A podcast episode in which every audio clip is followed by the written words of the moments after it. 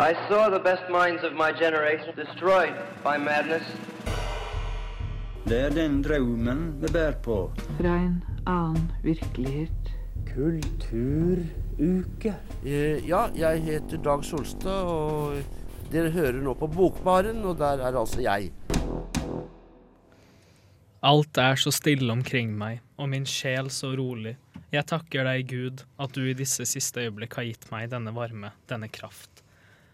Det er første setning i Den unge verters siste brev til Lotte før han velger å drepe seg sjøl. Den unge verters lidelser eh, fanges i brevromanen av Goethe fra 1774. Menneskets hjerte er en underlig ting, sier Werther, og hvordan hjertet takler den mørkeste natt, er et udødelig tema i verdenslitteraturen og i forståelsen av menneskets sjelsliv. Velkommen til Bokbaren. I dag har vi tatt for oss det litt sørgende temaet sorgprosess. Og um, vi skal da diskutere forskjellige bøker som tar denne her tematikken. Men før det så har jeg da med meg mine vanlige undersåtter Emma, Hei. Johannes Hallo. og Siri. Hei. Hvordan går det med dere, folkens? Tatt i betraktning til at vi er undersåtter, så går det jo ganske bra. da. Føler meg ikke helt eh, kua. Men eh, nei, det går bra. Ja, Du føler ikke en viss sorg over at jeg bemerker deg på den måten her? Nei, jeg føler en liten sorg over temaet i dag, på en måte, for jeg har jo lest en ganske eksistensiell og tung bok, som vi skal komme mer tilbake til, så det var jo, litt, eh, det var jo heftig, da. Ja, absolutt. Emma, tanker? Jo, nei, det går veldig fint med. Ikke så veldig påvirka av sorgprosessen jeg har Nei. vært gjennom i, i romanform. Siri, du har ikke du, uh, pælma i deg Ben Jerry's helt enda i eh, gråtende form? Nei, du, har klart å krabbe meg ut ur den eh, gråtende formen.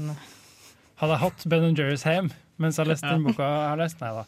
Så hadde Eh, du slengt den i Da hadde jeg slengt det i meg. Nei, nei.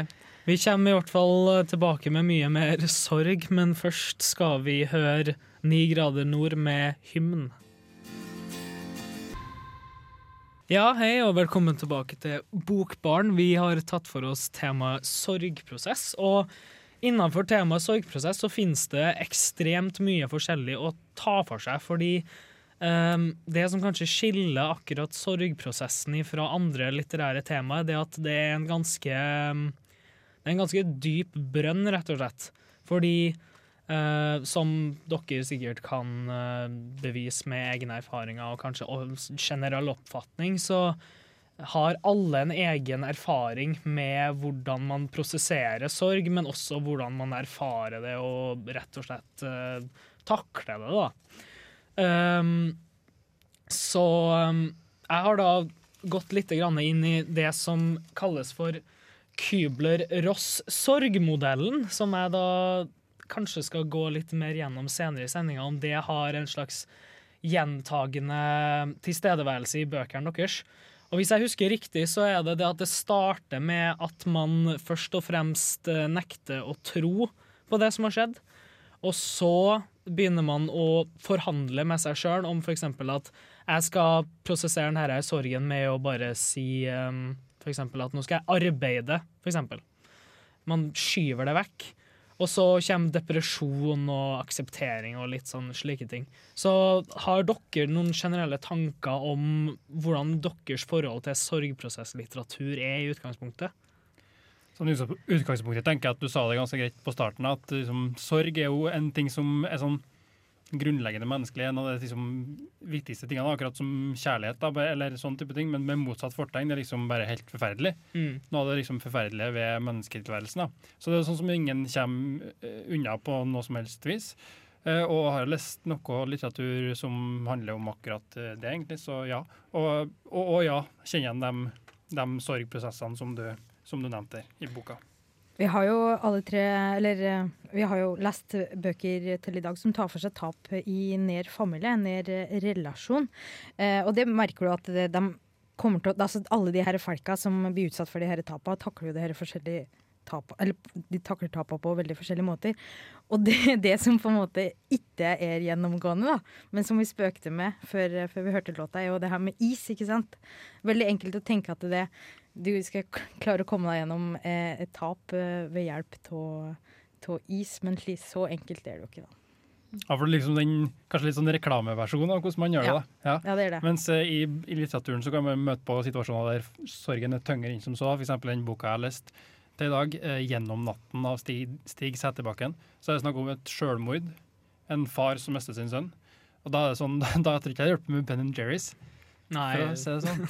absolutt ikke. Ja, jeg tenker at eh, skjønnlitteratur eh, Det som skjønnlitteratur er evne til, er nettopp å vise hvordan sorgprosess veldig forskjellig hos uh, ulike mennesker. Sånn, at- og jeg har jo lest Max Porter sin 'Sorg er den greia med fjær' i dag, som tar Den har tre ulike perspektiv da, på selve sorgprosessen. Tre fortellere som forteller på ulik måte om sorgprosessen. da. Og, eh, ja, og det er jo den fine evnen litteratur har, at det kan vise hvor unik en så eh, universell opplevelse egentlig oppleves for den enkelte. Da. Ja, og kanskje spesielt med sorg, tenker jeg det at uh, den så Den har så mange sider ved seg, og det trenger ikke bare å nødvendigvis være død, men det kan jo også være kjærlighetssorg og slike ting, som vi da kom inn på. Men uh, som Johannes tisa litt, så har han tatt for seg Sæterbakken med 'Gjennom natta'. Det kommer vi tilbake til, men først skal vi høre Datarock med 'Laugh in the Face of Darkness'. Hallo, dette er Karl Ove Knausgård. Hver gang jeg er i Trondheim, så hører jeg på Bokbaren. Et fantastisk, eh, fantastisk bokprogram. Velkommen til Bokbaren her på Radio Revolt på denne vakre tirsdagen. Nå syns jeg at vi skal bli opplyst eh, på Sæterbakkens gjennom natten. Take it away. Take it away. Eh, vi skal høre anslaget. Sorg kommer i så mange former. Den er eh, som et lys som slås av og på. Den er der og er utholdelig. Og så forsvinner den fordi den er uutholdelig. Fordi det ikke går an å ha den der hele tiden. Man fylles og tømmes. Tusen ganger om dagen glemte jeg at Ole Jakob var død. Tusen ganger om dagen husket jeg det plutselig. Begge deler var uutholdelig. Å glemme ham var det verste jeg kunne gjøre. Å huske ham var det verste jeg kunne gjøre. En kulde kom og gikk, men aldri varme. Det fantes bare kulde og fravær av kulde. Som å stå med ryggen mot havet. Iskalde ankler hver gang en bølge slo inn. Så rant den vekk. Så kom den tilbake. Mens jeg sto slik, gikk solen ned, og det ble natt. Og det er, og det er natten som siden har vart. Ja, Det var da anslaget som du kaller på litteraturviterspråket, Siri. Eller starten av boka, som jeg kaller det. Det var starten av 'Gjennom natten' av Stig Setterbakken. Og det er veldig tydelig i starten der da, hva boka handler om. Det er liksom den sorgen her over tapet av sønnen til han hovedpersonen Carl, som ikke forsvinner, samme hva han gjør. Så eh, forsvinner ikke det. Og hvis han føler at det forsvinner, hvis han drømmer eller glemmer det, eller sånn, så er det like fælt det, på en måte. Så uansett hva han gjør, så er det der.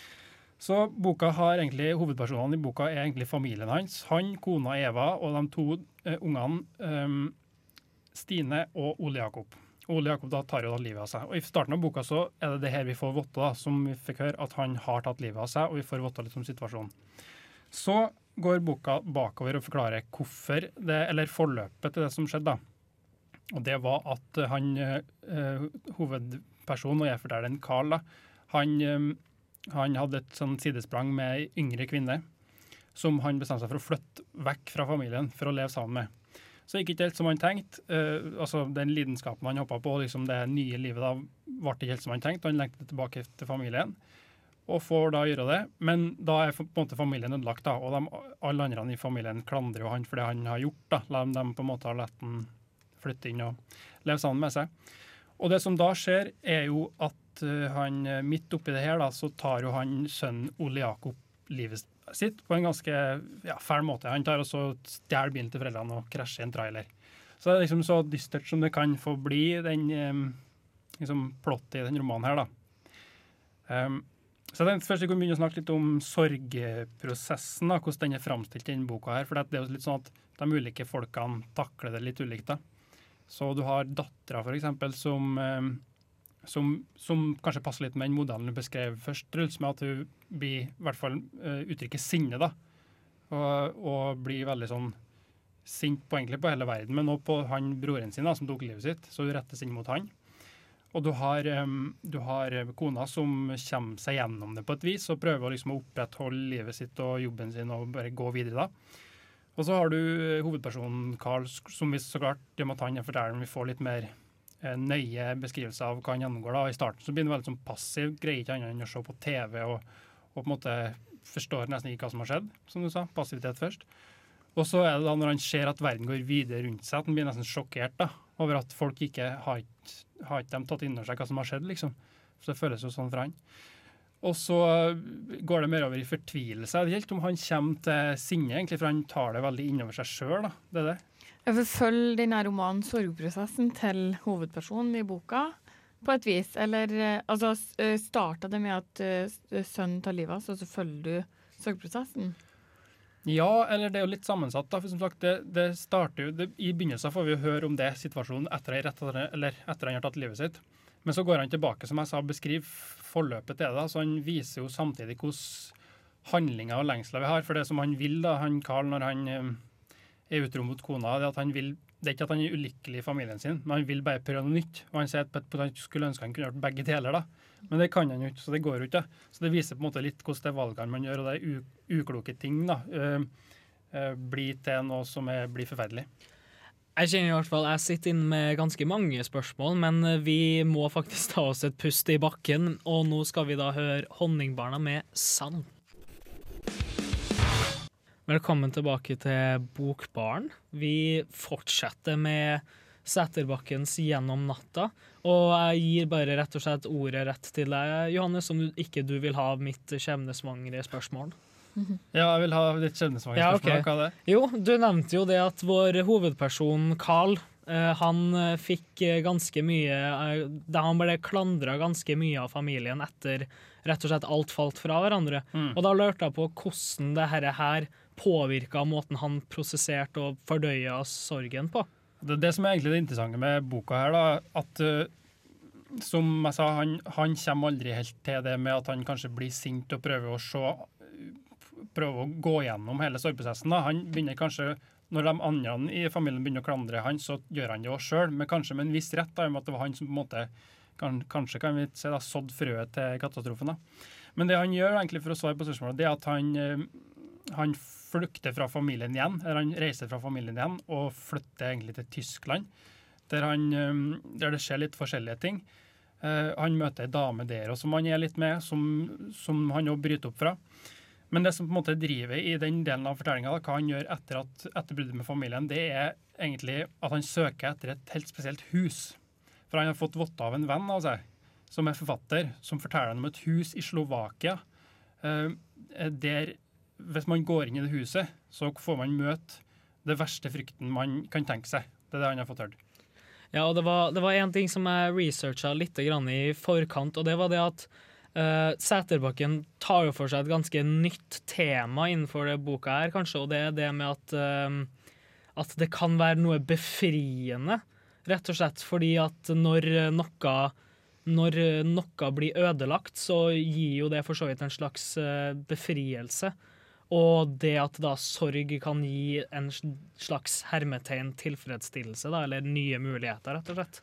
Ja, det er det som er mye av hovedsaken i romanen. her, og det er jo en Sæterbakken var jo kjent for å på en måte ville um, Eller han mente sjøl at han ville søke sannheten i bøkene sine, og her er det det som er, for de fleste høres ganske uhyggelig ut, da, at en, et kan by på muligheter. Men det er nettopp det han prøver med å oppsøke det her huset og sjekke om den historien er sann. For han vil prøve, prøve seg og se om han kan finne som er det verste som kan møte han som menneske. da. Hva syns du om boka?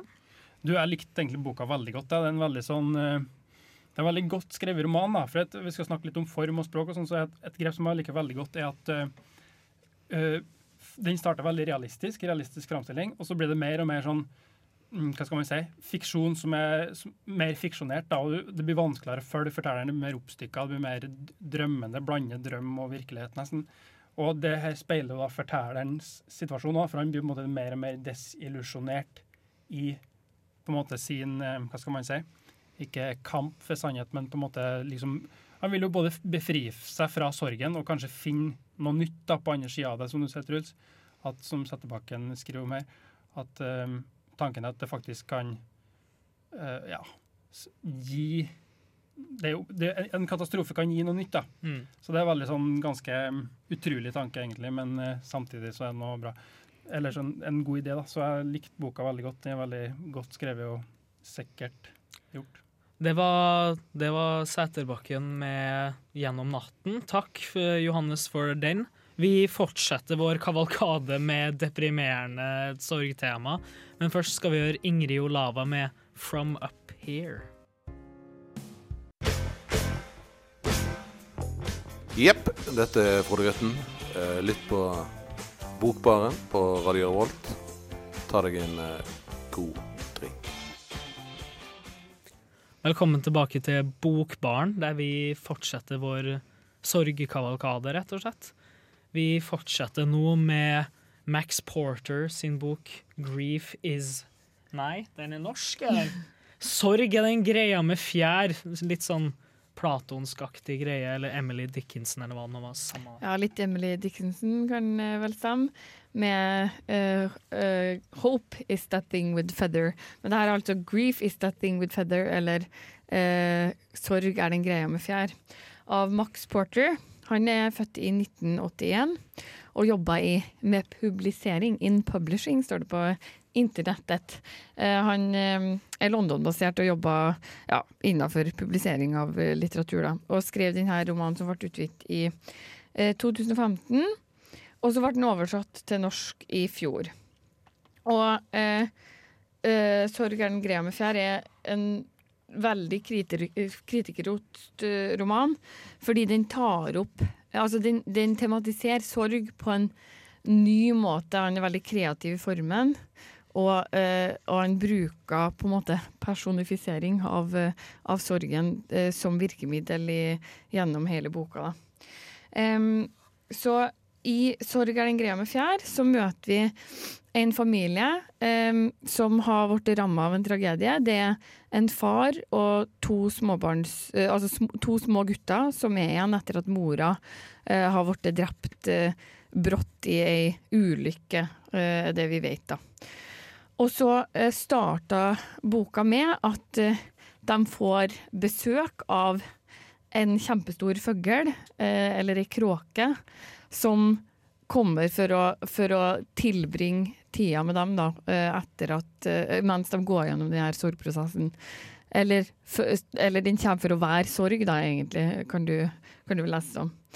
Så eh, denne kråka blir jeg vet ikke om man kan si personifisering, for det er jo kråka, men det er en slags personifisering av sorgen. Og den kråka skal være der for å ta vare på dem og støtte dem, og for å være en diskusjonspartner med faren, og eh, for å være barnevakt for ungene. og Det virker som sorgen har en litt annen ja, både rolle og funksjon enn hos Sæterbakken, der den på en måte er noe, noe forferdelig som de ikke kommer seg vekk fra. Mens her er sorgen framstilt som er det litt sånn, at den er noe som trengs, da, på en måte. Ja, for sorgen i denne eh, boka er ekstremt tilstedeværende, det er det ingen tvil om. Og um, det som på en måte er kråka, ø, den har ulik rolle for faren og ungene. Sånn at han, sånn du får liksom se gjennom den kråka, så får du se de ulike måtene eh, de, altså familiemedlemmene bearbeider sorgen på, da, på en måte. Ja, så det er liksom tilstedeværelsen av eh, kråka er på en måte det er en manifestering av sorgen i livet sånn når den dukker opp, på en måte. Ja, for- men, det er ikke, men det er en som du må bare lære deg å leve med, rett og slett. Ja, men det er heller eh, Altså Man får veldig følelsen av at det er et midlertidig opphold. da Han skal ikke være der hele tida. her kråka er her for å på en måte lose dem, dem gjennom en del av sorgprosessen. Men det skal sies at formen i denne boka her er veldig sammensatt. Den er blanda sjangre. Det er både poesi og prosa, det er essay og det er teater og uh, veldig mye sånn at, og, og mye absurditeter, da. Sånn at på en måte det er ikke sånn at du kan liksom fortolke det så veldig konkret, da, kan du si. Nei, hvordan blir leseropplevelsen når det er sånn eh, både en kompleks blanding av stil og liksom personifisering av et dyr? Altså, Det som jeg opplever, er at han skaper en veldig sånn unik verden som du slippes inn i. Og du eh, ser jo òg på en måte Det prater jo du om, men altså den her store, altså den enorme tilstedeværelsen sorgen har. Og så er det, skal det sies også at det er tre fortellerperspektiv. Det er de to sønnene og faren og kråka som forteller. Mm. Så det sammen så på en måte gjør dem Altså Det blir en veldig spesiell leseropplevelse, både fordi det er veldig mye bruk av på en måte absurde virkemidler, og fordi at du har den her personifisering av kråka. Ja, jeg syns denne personifiseringa til sorgen er så artig. For det, hvis en tenker på eh, annen type litteratur, og som f.eks. tar for seg død, så tenderer en ofte til å skrive døden om til noe annet fordi det er så utrolig vanskelig å få grep om. For ingen veit jo egentlig her døden er. Mm. Så skriver du døden som f.eks. en zombie eller et spøkelse eller en vampyr. Nesten som en lovnad om en eller annen form for liv i etterkant. òg. Men jeg tenker det å, å personifisere sorgen som en kråke, er et ganske annet og, og artig grep, da, egentlig. Ja, og jeg tror på en måte sånn som jeg leser, så, så gjør den at man kan se eh, sorgen fra flere kanter samtidig, da, fordi at denne kråka har så ulik rolle i de forskjellige personene i familien sitt liv. Da. Mm. Det var Max Porter sin eh, bok eh, 'Sorg er den tingen med fjær på'. Det her er Bokbarn, og vi skal da høre sangen uh, 'This Boy' av Girls. This boy is ready do so.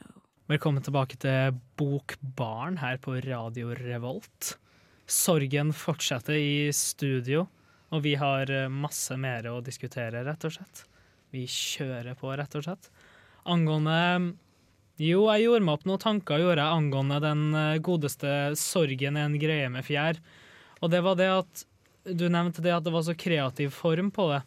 Og det at den, er, den har sånn fragmentertaktig stil. Og da tenkte jeg på det med sammenligna med Stig Sæterbakken gjennom natta, at eh, Gir det deg en slags følelse av at det også er en sånn absurd preg av hvordan sorgen blir takla, på en måte? Eller er det bare formeksperimentering innenfor eh, prosa? Ja, jeg tror på en side så er det definitivt det. Han, er jo som, han Max Porter er som, som nevnt da jobba in publishing, eh, sånn at han er jo godt kjent med Det eneste og, han har gjort. Ja, og jeg har lest intervjuer med han hvor han snakker om det, at han var opptatt av å på en måte lage noe ingen han hadde laga før. da, Og det er jo en av de tingene han har fått veldig stor anerkjennelse for, at han har funnet en form som, passer, som er bra, men den passer jo òg innholdet veldig godt. Og jeg tror jo på en måte det den reflekterer, sånn som jeg leste, det, det handler mye om at når du blir slengt ut Altså den brå død det er snakk om her, du blir slengt ut i noe du absolutt aldri så for deg at du skulle uh, stå i. Og så er det jo òg Så det er, en, altså det er en absurd situasjon å være i òg. Og uh, han eh, hoved... Altså dad, da, eller far, som er på en måte hoved, uh, en av hovedpersonene i romanen, han er han frika kanskje litt ut, blir veldig Altså stenger seg kanskje litt og blir på en måte ganske fraværende som farsfigur, han òg, for ungene sine, fordi at han ikke eh, egentlig takla det her med at eh, kona døde så veldig godt. Så definitivt at det nok reflekterer litt i det her eh, på en måte det sjokket og den absurde følelsen det at hele livet har blitt snudd på hodet. Ja, og den, den eksperimentelle formen kan jo kanskje si at eh, i sterk grad evner å, å fange eh, sorgprosessens mer sånn lunefulle krumspring. Da. For en sorgprosess kan jo, kan jo by på, på utrolig mye av forskjellig humør. Men Sæterbakken er vel mye mer et sammenhengende narrativ som, som bare gradvis går tilbake i tid. Der på en måte han jobber mer assosiativt og kanskje drømmende og sammenhengende. da. Ja, um, sånn rekkefølgemessig så hopper vi litt fram og tilbake i tid, som jeg nevnte da jeg i stad snakka om boka, at vi får votta det ene først, og så forløperen til det. Men den siste delen av fortellinga, der han reiser bort fra Norge egentlig på leting etter det mystiske huset der man kan møte eh, sin største frykt, da, da, da skrider jo fortellinga fram på en måte kronologi- kronologisk. da.